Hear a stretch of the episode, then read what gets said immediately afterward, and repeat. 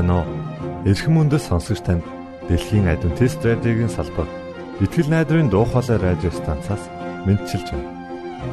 Сонсогч танд хүргэх маань нэвтрүүлэг өдөр бүр Улаанбаатарын цагаар 19 цаг 30 минутаас 20 цагийн хооронд 17730 кГц зөвлөлтөөр 16 метрийн долгионоор цацагдж байна. Энэхүү нэвтрүүлгээр танд энэ дэлхий дээр хэрхэн аз жаргалтай амьдрах талаар зарчим болон мэдлэгийг танилцуулахдаа бид таатай байх болноо. Таныг амарч байх үед аль эсвэл ажиллаа хийж байх зур би тантай хамт байх болноо.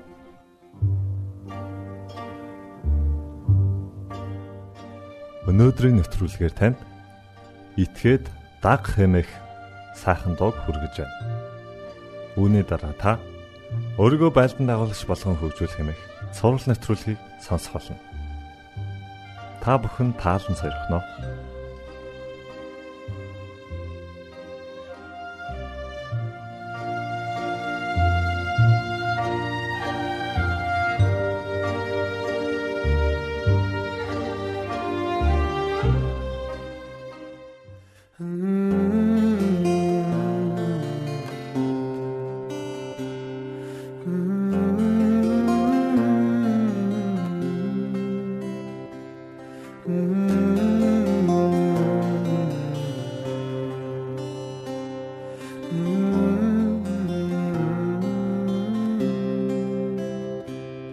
Таны заасан замаар тантай хамт алхах үед ямар гайхан гэрэл замд минь гинэвэ.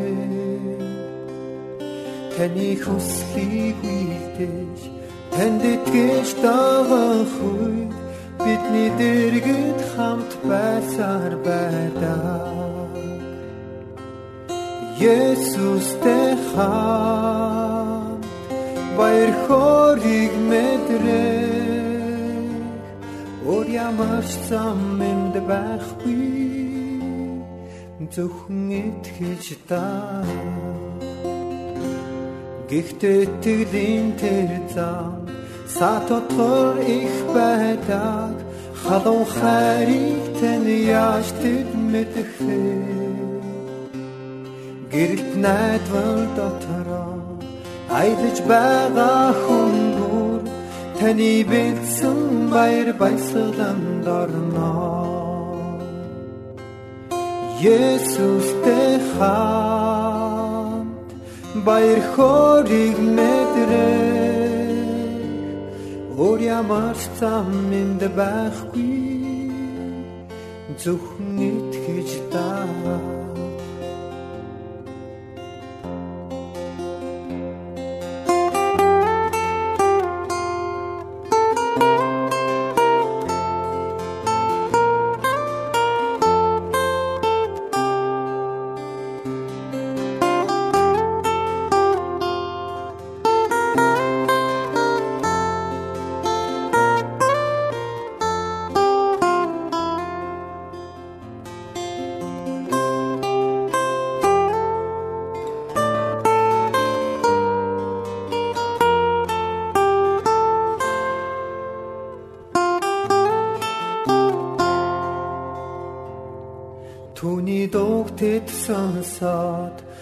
түүний хөл суух болно.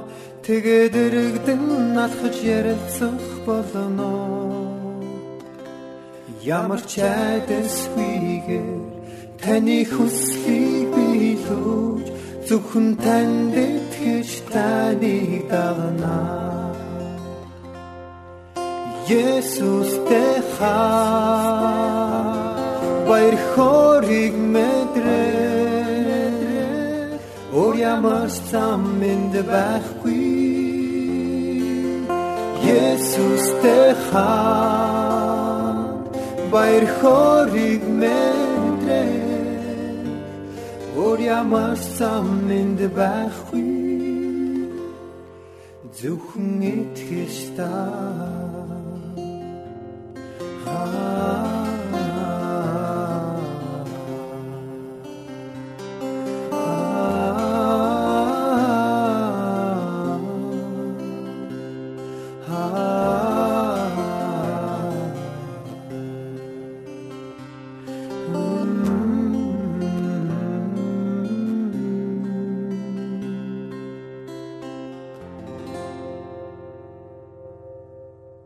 Сайн байцгаана уу сонсогчдоо. Өөрийгөө байлдан дагуулагч болгон хөгжүүлэх цоврал нэвтрүүлгээр эргэн уулзж байгаадаа баяртай. Бид таван зарчмыг судалж буйлаа. Энэ удаагийн зарчим бол лантуун зарчим буюу дөрөвдүгээр зарчим. Бусдын толгойг хизээч бүү лантууд. Александр Маклерен хэлэхдээ хэрв та дэлхийг ялахыг хүсвэл уян зөөлнөр ханд харин бүү лантуу нүглэг гэж хэлсэн байдаг. Энэ удаагийн зарчмын бидний өөрөөсөө асуух асуулт нь би жижиг сажиг зүйлсээр харилцаагаа боснолдгоо гэсэн асуулт. Нэгэн залуу ихнэрээ дүлий болоод байгааг мэдэрчээ. Тэгээ хэр зэрэг дүлэрээд байгааг нь мэдхийн тулд эмчээс зөвлөгөө авахар шийдлээ. Тэгтэл эмч түнд эхнэрийнхээ ар 5 м орчим зайнаас асуулт асуугаад үзээрэй. Хэрвээ сонсохгүй бол 4 м гэх мэтээр ойртоод асуугаад бай гэж зөвлөжээ. Ингээд майнер эхнэрээ оройн хоол хийж байхад нь 5 м-ийн зайнаас хараа ямар хоол хийж байгаа юм бэ гэж асууж. Гэвч эхнэр нь юу ч хариулсангүй. Тимээс тэрээр дахин 1 м ойртон асуусан боловч мөн л хариу сонссонгүй. Энэ мэт метр метрээр ойртсон боловч хариу сонсоогүй тул эцэст нь яг эхнэрийнхээ ард ирээд ямар хоол хийж байгааг нь асуулаа. Гэтэл эхнэр нь "Жим, дахианы мах идэнэ" гэж 5 удаа хэллээ шүү дээ гэжээ. Энэ түнд эхнэрийнхээ биш өөрийнхөө сонсголыг шалгах ёстойг сануулжээ. Би эхнэр Маргариттайгаа 1969 оны 6 сард гэрэлсэн. Бид бусад хосуудын л адил цаашдын амьдрал маань дардан зам шиг шулуун сайхан үргэлжлэнэ гэж итгэж байлаа. Гэтэл бидний хүссэн хүлээлт талаар өнгөрөх нь тэр. Мэдээж шүү дээ. Бид бие биенээсээ өөсөө болж харсаар хаяа нэг маргалдаж зөрчилцөөр улмаар үүнээс гарах үр дагаврыг амсаж эхлэв. Ийхүү гэр бүлийн амьдралд хэрхэн зохицож амьдрах вэ гэдэг асуултын хариултад нэлээд цаг гарах шаардлагатай боллоо. Хүн бүхэн л миний зөв гэж өөрийгөө мөрдөг шиг Маргаret бас миний зөв байдлыг хүлээн зөвшөөрөх ёстой гэж би бодож байлаа. Би илүү сайн ярьдаг, ятгаж үнэмшүүлэх гарамгай чадвараа ашиглан өөртөөхөө хооронд гарч буй зөрчлийг ядах юмгүй шийдсэн гэж үзэж байлаа. Мэдээж бид хизээж бие биерүүгээ орилж хашгирч байгаагүй л дээ. Хэдийгээр бид маш ухаалаг, уйл сууртай, нухастайгаар асуудлаа шийдэх харилцсан хамааралтай байсан ч ялалт ямагл миний тал байсаар. Харин эхнэр маань өргөж оноогоо алцаал. Ийхүү бид гэрэлтийнхээ эхний 2 жилийн дотор маш олон зүйл хийсэн ч нэгэн ч амжилттай сайхан байгаагүй. Яагад гэвэл би эхнэрийнхээ зүрх сэтгэлийн галыг аажим аажмаар бөхөөж байгаагаа огт анзаарахгүй явж байлаа. Цаашлах тусам тунж гомдлох нь ихсээр хоёр биенийхээ дунд үйл ойлголтын хан босгон тоосго нэмсээр байгаагаа ч мэдсэнгүй. Эцсийн мөчөд гэр бүлд минь ямар их аюул нөөрлжсэн байгаагч би анзаарах сөхөөгүй явсаар байв. Гэтэл нэг өдөр эхнэр минь хажууд ир сууснаа урд нь болж өнгөрсөн маргаан зөрчилдөөс болж ямар хэцүү зүйл мэдэрч байгаа талаар учиргүй тайлбарж гарлаа. Ингэж би анх удаа зөрчилдөөнд ялал байгуулахаас илүүтэйгээр хамгийн хайртай хүнээ хамгийн ихээр шахалгуулж байснаа ухаарсан төдийгүй. Түүнтэйгээр харилцаагаа барьж байгуулах нь илүү чухал юм байна гэдгийг ойлгосон билээ. Тэр өдрөөс эхлэн би гэр бүлийнхээ харилцаанд өөрчлөлт хийхээр шийдсэн. Зөв хандлагатай байна гэдэг нь зөв хариулт өгөхөөс илүү чухал гэдгийг ухаарсан минь намайг илүү уян хатан болгож ёстой л долоо хэмжээс нэг охлох гэдэг зарчимд сургасаар байлаа. Ингээ бидний хооронд үл ойлгослын хан нурж харин хайрын гүр баригдаж эхэлсэн юм. Тэр цагаас хойш би хэн нэгэнтэй зөрчилдөх зүйл гарвал эрүүл ухаанаар харж эвэйг хичээн зохицуулдаг болсон. Хэрвээ надад ланту байсан бол Хүүхэд эцэг эхийнхээ үгэнд дуулуурыг хандаж залхууран хоригших үед алган боовны амт мэдрүүлснээр дуулууртай идэвхтэй болдог. Энэ хүүхэлдэйн киноны баатар Кельвинтэй адилхан юм. Кельвин залхуу дуулуургүй хүмүүсийг ураг шахиулахын тулд миний амбаартал тэдэнд хэрэгтэй. Тиймээс ийм бизнес хийж байна гэжээ. Үүнтэй адил тухайн хүний онцлог байдлаас шалтгаалж лантуудах хэрэгтэй ч уян зөөлөн хандах хэрэгтэй. Үнэнтэй нүүр тулахад хэцүү байвал дараах дөрвөн зөвлөгөө хэрэглэхэд илүүдэхгүй. Нэгдүгээрт төвчээртэй хандах. 40 иргэм насны нэгэн хүн зоогийн газар оронгота шуудхан л зөөгчдөр очиж танаа зогсуулга намдах ямар нэг юм байна уу гэж асуулаа. Зөөгч үгийн зөрүүгөө шууд л нойлтон алтчаар аван залуугийн нүрөө чулууд. Гэтэл өнөөх нь лантуудулсан юм шиг хөөе чи чинь яаж байна гэж гайхсан янзтай асуутал худалдагч инээснэ. За харда та зогсгоо болчихсон тийм үү? Гэтэл залуу би ийм арга байдаг гэдгийг мэдээгүй юм байна. Эхнэрээсээ ч гэсэн асуусан боловч тэр машин дотор суугаад үлдсэн гэжээ.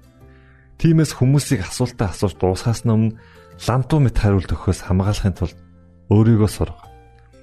Хэн нэгэн өөрийг өөрийн санааг надтай хаваалцах үед би дараах зүйлийг баримталдаг. Сонсдог, асуулт асуудаг, бас дахин сонсдог. Дахин асуулт асуув.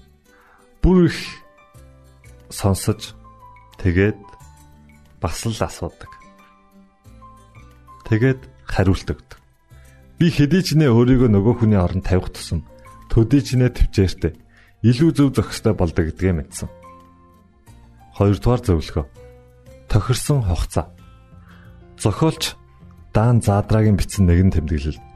Чи хизээ хийх гэж байгаагаа биш, харин юу хийх гэж байгаагаа тооцоол гэсэн байна. Харин би үүнтэй санал нийлдэв. Хэрвээ генерал хүн зөв цагтаа л дайралтаа хийхгүй бол тулаанд ялагдал хүлээн. Хүн дээр өвчлсөн хүүхдээ эцэг их нь хурдхан шиг эмнэлэгт аваачихгүй бол хүүхэд үхэгч аюултай. Хэрвээ та хэн нэгнээс уушлах үедээ л Гуйхгүй бол харилцаа чинь бүр мөсөн дуусах болно. Зохиолч хатагтай Дороти Невил хэлэхдээ ярианы жинхэнэ ур чадвар нь зөв цагт зөв үг хэлхээс гадна хэлмээр байсан буруунд хэллгүүлэлтээ хийх хэлдэг хэмээн маш чухал зүйл анхааруулсан байдаг. Тийм ээ. Зөв цагт хийсэн таны үйлдэл нь хамгийн чухал юм. Мэдсээр байж хийхгүй байна гэдэг нь томоос том асуултын тэмдэг лээ. 3 дугаар зөвлөмж дууны өнгө. Өрх толгоос нэгэн эмэгтэй 3 болон 5 настай хоёр хүүхэдтэй байжээ. Тэрээр хүүхдүүдийнхээ бүдүүлэг яриаг байнга засах гэж оролдог байв.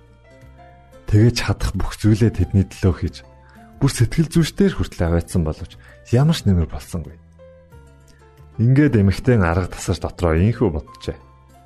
Ерөөсөө тэдний энэ муу зуршлыг засахгүй л бол би хинч биш болох нь Хүүхдүүд манд үргэлжлүүлэн хараал хэлсээр байх болно. Тэгэхээр ах нарыг минь хараал хэлэх үед ээжийн хэрэглэж байсан аргыг л хэрэглэе дэ гэж шийджээ. Тэгээд маргааш өглөө болоход 5 настай хүүн сэрээд галтаараа галтоогоо руугаа ортол ээж нь хүү минь өглөөгөнийхөө цайнд юу идэх вэ гэж асуув. Хүү ээж рүүгээ хараад жаахан жимсний чанал гэснээ хараал хэлв. Тэгтэл ээж нь түүнийг алгадаж орхитол хүү үсрээд явчихав.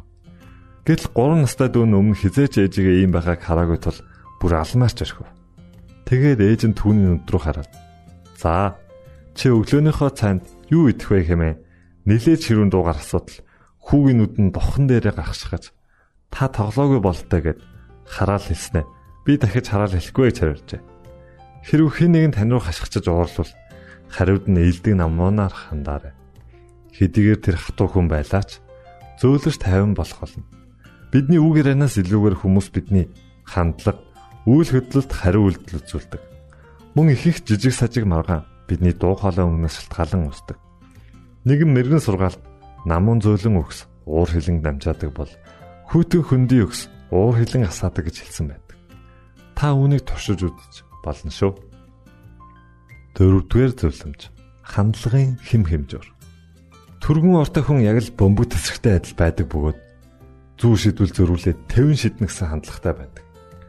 Энэхүү хандлага нь түнд нэлээд бэрхшээлүүдийг авчирдаг төдийгүй тулгарч буй асуудлуудын хэмжээнээс болоод гарах шийдвэр нь хүртэл дээш доош хэлбэлцэж байдаг. Үүнийг дараах байдлаар дүгнэж болно. Тухайн үйл хөдлөлөөс үүдсэн хариу үйлдэл нь сөрөг байвал асуудал хорцоддаг. Тухайн үйл хөдлөлөөс үүдсэн хариу үйлдэл нь эерэг байвал асуудал намждаг. Миний хувьд өөрийгөө тэнцвэртэй байлгахын тулд 30 секундэд бүх мэдрэмжээ хуваалц. Тэгээд гүйцээ гэсэн сануулгах журам баримталдаг. Хэрвээ би том асуудал үүсгэхээс өмнө жижиг асуудлаа шийдэхгүй бол бусд руу лантуудахаас өөр аргагүй зурдаг. Эхнэр бид хоёр ямар нэгэн асуудал толгох үед бие биедээ тусалдаг. Хүүхдүүд маань жаахан байх үед би тэдэнтэй зөрчилдөх зүйл цөөнгүй л гардаг байлаа. Тэр үед бидний баримтлаг байсан журам бол бид хоёр гар гараасаа барилцаж зэрэгцэн суугаад хүүхдүүдтэйгээ харилцан ярилцдаг байв. Хэрв бид хоёрын хэн нэг нь уурлал сэмэрхэн гараа атгалцсан бухимдлын хим химжээ нэмэгдэж байгааг сануулж болиулдаг байв. Цаг хугацааны явцад энэ бидний хамгийн шилдэг арга болсон төдийгүй үр дүнгээ өгсөн юм. Гэхдээ энэ арга тухайн асуудал хамгийн сайн хэмжүүр болж чадсан ч өөр асуудал өөр аргыг хэрэглэх үе байсан. Лантуу шидхийн оронд өршөөлийн гараа сунг. Зарим хүнд үргэлж лантуу хэрэглэх нь сайн гэж бодож магадгүй. Тэгээ та бүхэл амьдралынхаа турш ямар нэг юмыг нүдэж амьдрах, амьдрах нь гэж хэлэх байх. Харин энэ хандлага нь нөгөө хүнээс нэлээд өндөр хэрэгжүүлж шаарддаг. Тэр ямар нэгэн зүйлд анхаарлаа хандуулахын тулд яг л хан өрөмдөж байгаа юм шиг төвлөрөх хэрэгтэй болдог. Эргээд энэ нь сайн хандлагыг төлөвшүүлж болно. Гэвч хүмүүсийг үргэлжл балбаж нүднэ гэдэг үнэхээр хэцүү бэрх арга юм. Сэтгэл зүйч Абрахам Маслов таны гарт зөвхөн лантуу байвал бүх асуудал хадаас шиг харагцаар байх болно гэжээ. Тиймээс бусдыг лантуудгаас илүү эрүүл харилцаа арга замыг олох хэрэгтэй. Хэрв та хүмүүсийн сэтгэл төрх хагаа хөгжүүлэхийг хүсвэл дараах зөвлөгөөг өөрийн зүрхэнд оруулаарай. Өнгөрсөн зүйлийг өнгөрсөнд нь үлдээж сурах. Хоёроор эхнэрүүдийнхээ талаар нэлээд гомдлжээ. Нэгдэх нь бид хоёр хэрэлдэхэд эхнэр маань уйлаг болсон түүх ярьдаг гэж л дээ. Гэтэл нөгөө найз нь үлгэр ярьдаг гэсэн үү гэж асуудал. Үгүй дээ бүр өөлөрч баларсан түүх гэж хэлээд тэр миний хийсэн буруу зүйлийг үргэлж надад сануулдаг гэж хариулж. Тиймээс асуудлыг тэр дорн шийдэн тухайн цаг үед нь үлдээ. Дахин дахин сөхөж өнгөрсөн цаг үеийн алдааг өнөөдөр сэргээх хэрэггүй. Хэрв та асуудлаас өгсөөр байвал хүмүүс рүү лантуу барин даарч бусдыг хадаас болгож байна гэсэн үг шүү. Миний хариу үйлдэл асуудлын нэг хэсэг. Бусдад өгөх хариу үйлдэлээ Энэ надад яаж хандна? Би түүнд яг тэгж хандна гэж муугар бүү илэрхийл. Учир нь надад хандах ханд надад хандах бусдын хариу үйлдэл ямар ч байж болох тул тухайн хүнийг буруутган харлгүй харин ямар учиршилтгаан энэ хүнийг ийм хандлагатай болж байгааг олчаар үүнийг бид өвтөлтийн зарчим дээр үтсэн. Удаан хугацааны турш дурддагцаар байдаг үйл явдлуудыг сан. Та дунд сургууль төгссөн гислэгийг эсвэл коллеж төгссөн дипломоо байн байн гарган ирж дээр нь бичсэн бүхнийг дахин татан дооддог. Хэрв та гэрэлсэн бол хормын тангарага цээжээр дахин дахин уншдаг. Магадгүй энэ хоёр асуултанд та хоёуланд нь үгүй гэсэн хариулт өгнө. Гэвч таны хувьд хорим хийж байсан үе болон сургууль төгсөж байсан цаг мөчөө дурсдаг гэдэгт би эргэлзэхгүй байна. Тиймээс та бусдад хэлэх үгнээсээ илүүтэйгээр хүмүүстэй хамт байж удаан хугацааны туршиж санагцаар байх дурсамжийг үлдээ. Үүний тулд чин сэтгэлээсээ үйлдэж амьдр. Нөхцөл байдлыг харилцаанаас дээгүр хизээж бүү тавь. Өөрийнхөө нөхцөл байдлын алдаа дутагдлыг бусдад тохох гэсэн хүмүүсээр дүүрэн ертөнцид бид амьдарч байна. Хэрв би их нартайгаа харилцаагаа барьж байхулахаас уртад өөрийнхөө үзэл бодлыг илүү өндөр тавьсаар байсан бол түүнтэй хизээж гэрлэхгүй байсан гэдэгтээ огтхон ч марахгүй. Харилцаа гэдэг бол бүх зүйлийн суурь гэж би боддог. Тиймээс бусдад харилцах харилцаагаа чухалчлах тусам төдийжнээ олон гарц боломжууд үйл харгаа нээж өгдөг. Тиймээс нөхцөл байдлыг харахаас илүү харилцаагаа барьж байгуулах нь нэн чухал.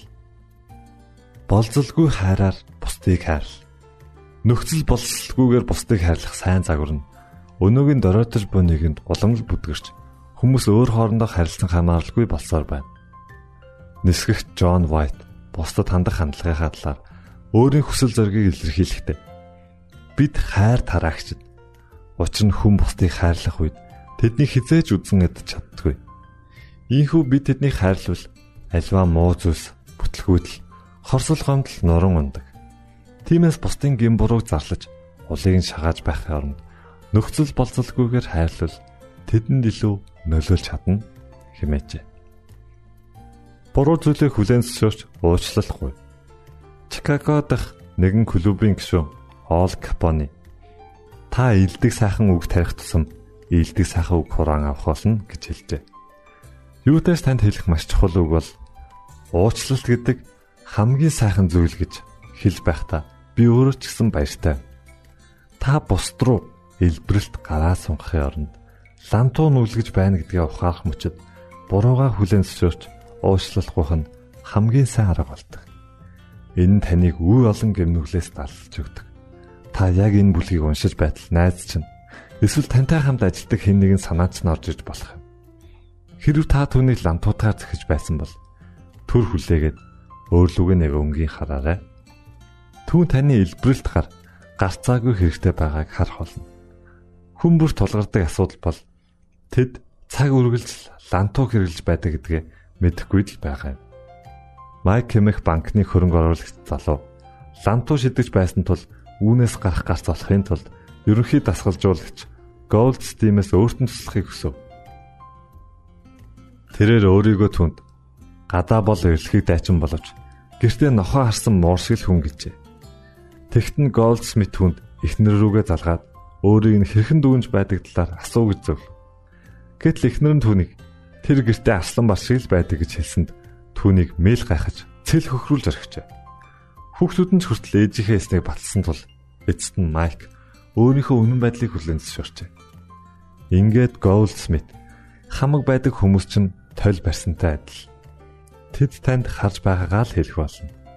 Та тэдэнд итгэхгүй байлаач үнэндээ танд хайртай учраас үннийг хэлдэг.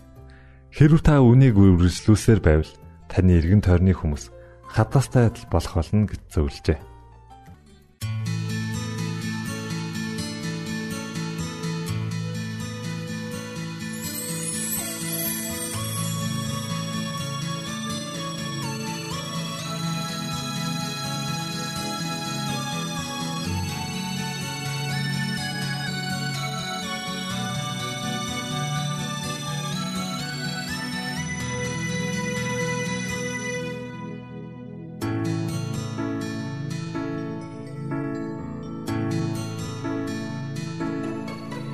Төгс төгөл тэр хэрнээ даруухан аврагч эзээ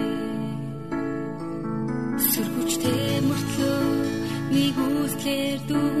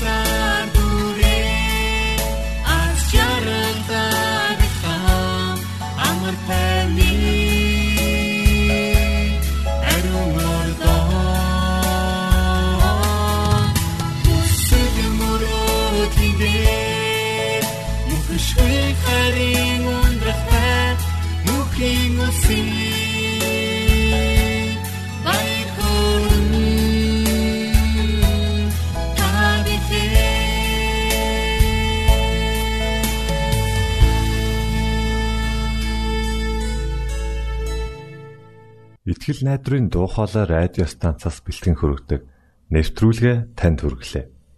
Хэрв та энэ өдрийн нэвтрүүлгийг сонсож амжаагүй аль эсвэл дахин сонсохыг хүсвэл бидэнтэй дараах хаягаар холбогдорой.